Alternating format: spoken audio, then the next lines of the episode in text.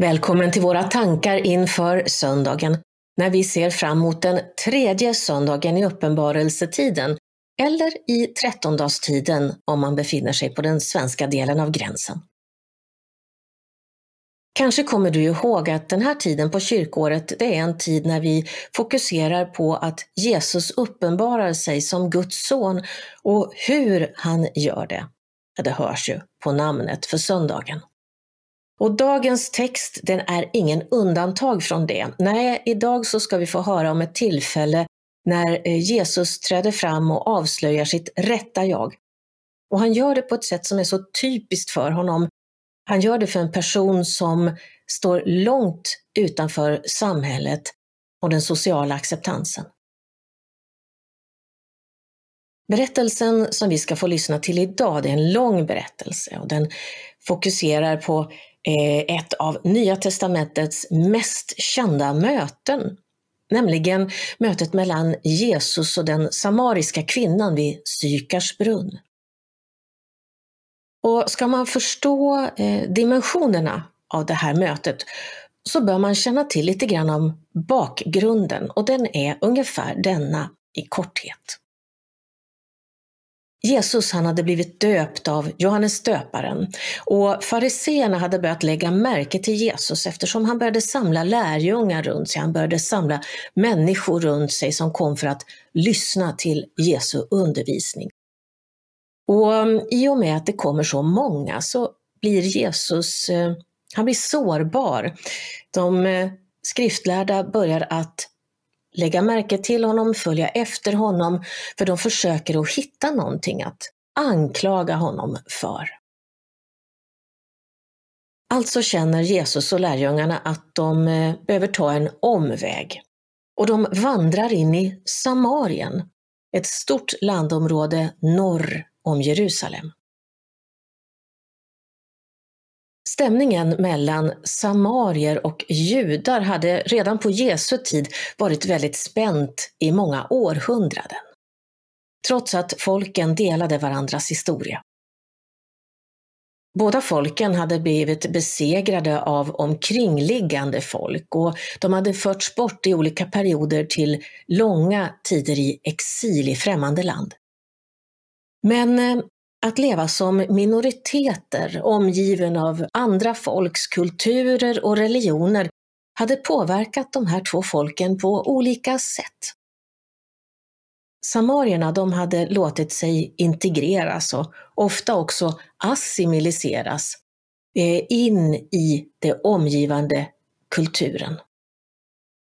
Ehm, det gjorde att de sedan kom att betraktas med förakt av de som återvände från exiler med en tydligare behållen religiös identitet.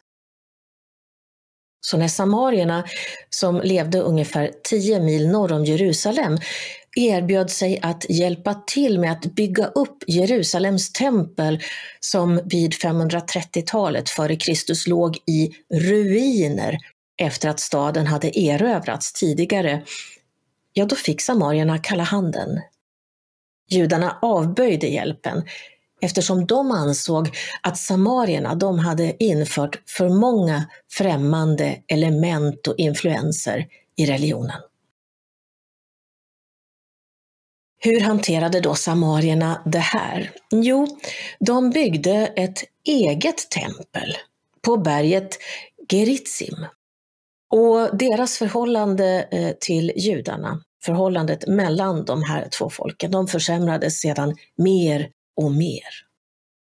Och när mötet vid brunnen i Sykar äger rum, då var stämningen mellan judar och samarier minst sagt ansträngd. Kvinnan som Jesus möter utgår därför ifrån att hon är dubbelt utstött. Hon är inte bara samarier och därför illa sedd av judar, utan hon är också illa sedd av sitt eget folk. Hur kan vi veta det? frågar sig vän av ordning. Jo, texten säger att hon hämtade vatten vid brunnen mitt på dagen. Och det gjorde man inte, om man inte var absolut tvungen.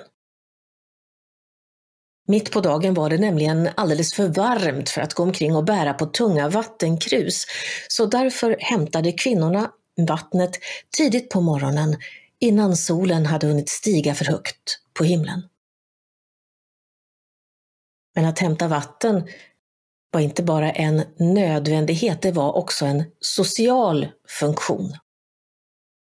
På vägen till och från brunnen och vid brunnen så fick kvinnorna i byn ett tillfälle att umgås med varandra.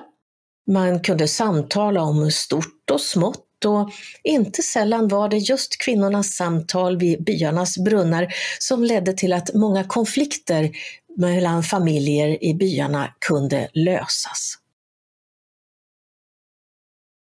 Men i de här sociala sammanhangen så är inte vår kvinna med. Om hon själv har valt att avstå från det eller om hon inte fick vara med, om hon tvingats att vara ensam, det vet vi inte. Men texten ger oss ledtrådar även till det. Den ger oss ledtrådar till varför kvinnan kommer vandrande till brunnen när Jesus sitter där och väntar.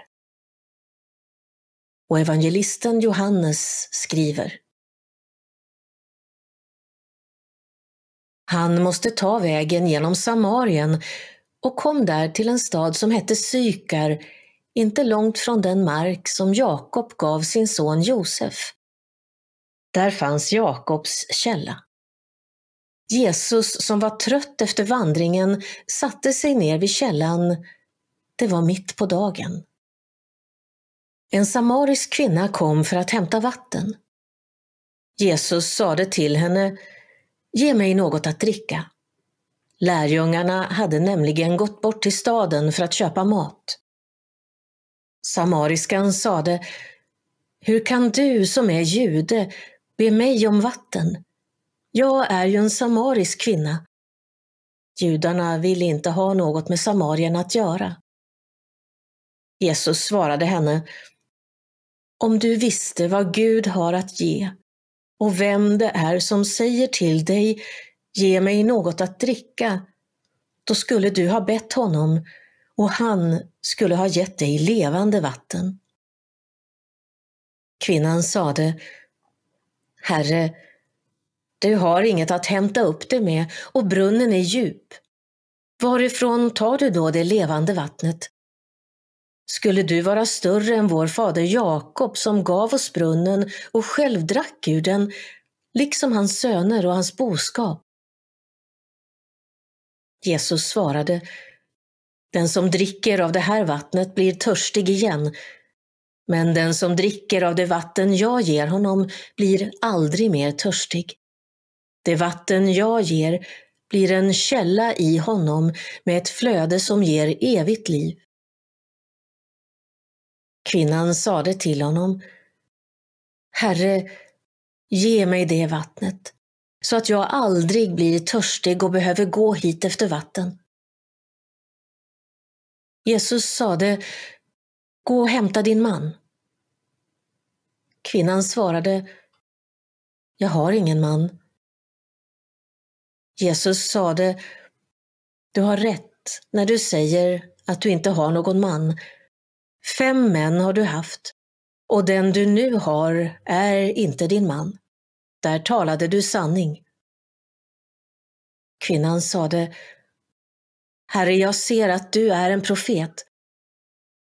Våra fäder har tillbett Gud på det här berget, men ni säger att platsen där man ska tillbe honom finns i Jerusalem. Jesus svarade, Tro mig kvinna, den tid kommer då det varken är på det här berget eller i Jerusalem som ni ska tillbe Fadern. Ni tillber det som ni inte känner till. Vi tillber det vi känner till eftersom frälsningen kommer från judarna. Men den tid kommer, ja den är redan här, då alla sanna gudstillbedjare ska tillbe Fadern i ande och sanning. Ty så vill Fadern att man ska tillbe honom. Gud är ande, och det som tillber honom måste tillbe i ande och sanning. kvinnan sade Jag vet att Messias kommer, alltså den smorde, och när han kommer ska han låta oss veta allt. Jesus sade till henne Det är jag, den som talar till dig.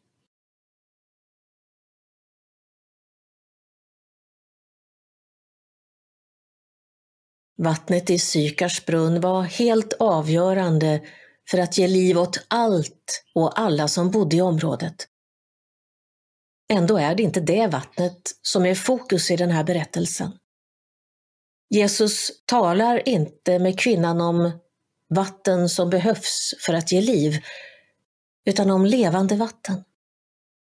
Om vatten som inte bara bidrar till att upprätthålla liv, utan som är bärare av liv och som omvandlar den som dricker av det så att livet aldrig någonsin blir detsamma igen. Så vad är det för märkligt vatten? Vilken märklig brunn finns det vattnet i? Och vem får i så fall dricka av det? Ja, alla de här frågorna får vi svar på i mötet mellan Jesus och den samariska kvinnan.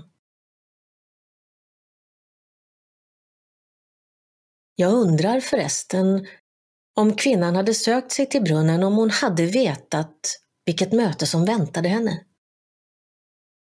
Hon ville inte möta någon, men när hon närmar sig brunnen så ser hon att Jesus sitter där. Då gör hon ett val. Hon kanske känner att det är för sent att vända om. Han har redan sett henne, så hon fortsätter.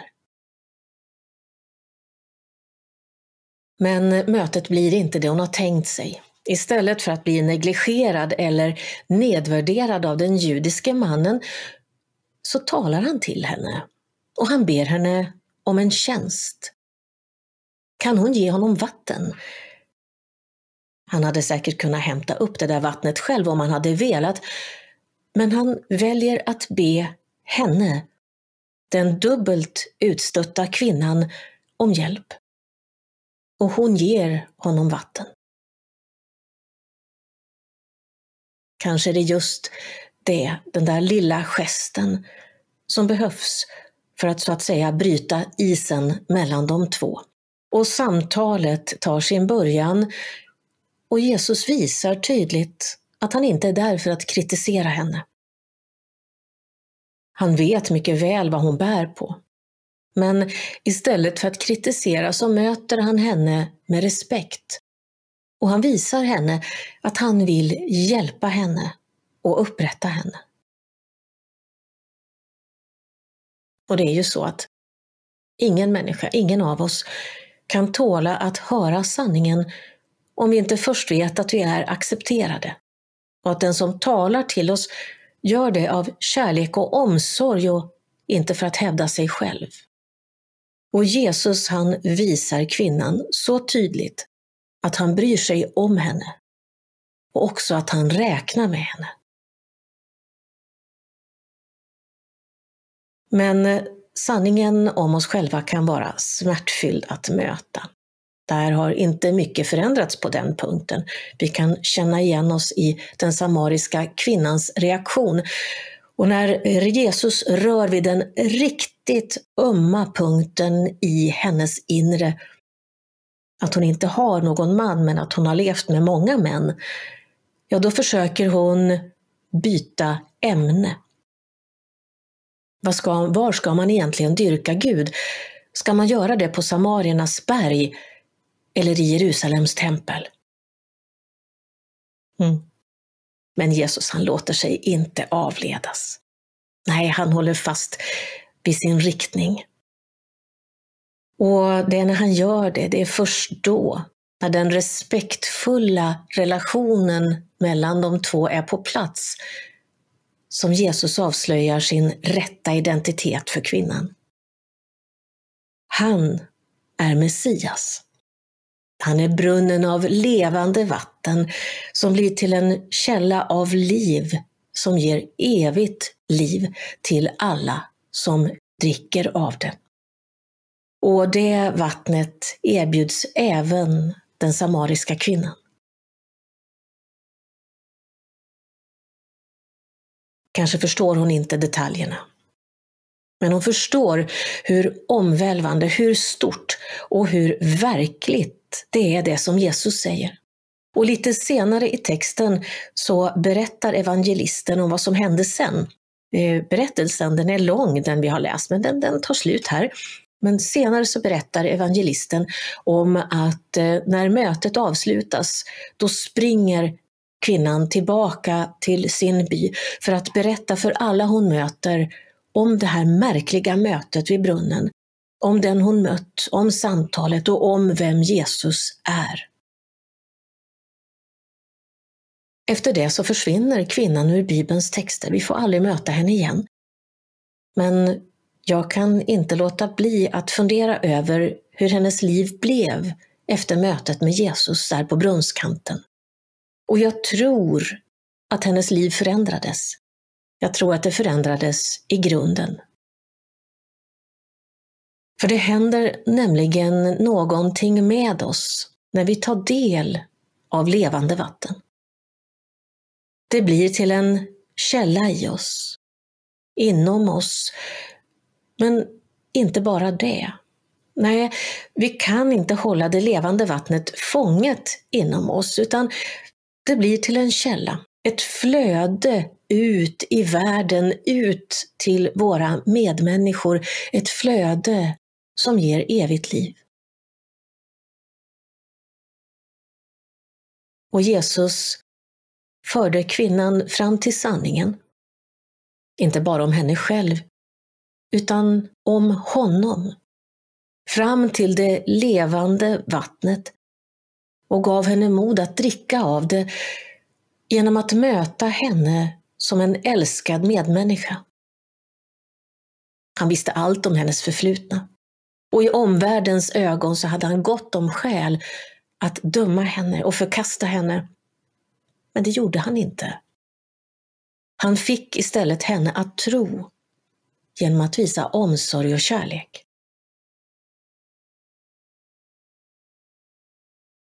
Så är det också för dig och mig. Jesus vet allt om oss. Och trots att vi är de vi är, trots att vi bär allt det vi bär på i vårt inre, så älskar han oss. Och han dog och uppstod för att vi ska leva. Därför är den samariska kvinnans erfarenheter också våra. För även när din och min tillvaro mest ter sig som en ensam, utmattande och ändlös vandring genom uttorkade marker. Och oavsett hur tunga bördor vi bär på i vårt inre, så behöver vi bara lyfta blicken för att se den. Brunnen med levande vatten, brunnen som stavas Kristus. Den finns där, mitt i vår vardag. Och vid den brunnen så väntar Gud på oss för att välkomna oss i ett möte som förändrar allt. För att erbjuda oss att dricka av levande vatten och burna av ett löfte som gäller också oss när Jesus talar till oss och säger Den som dricker av det vatten jag ger honom blir aldrig mer törstig. Det vatten jag ger blir en källa i honom, en källa med ett flöde som ger evigt liv. Så välkommen fram till brunnen. Välkommen att dricka av levande vatten. Och Gud välsigne dig.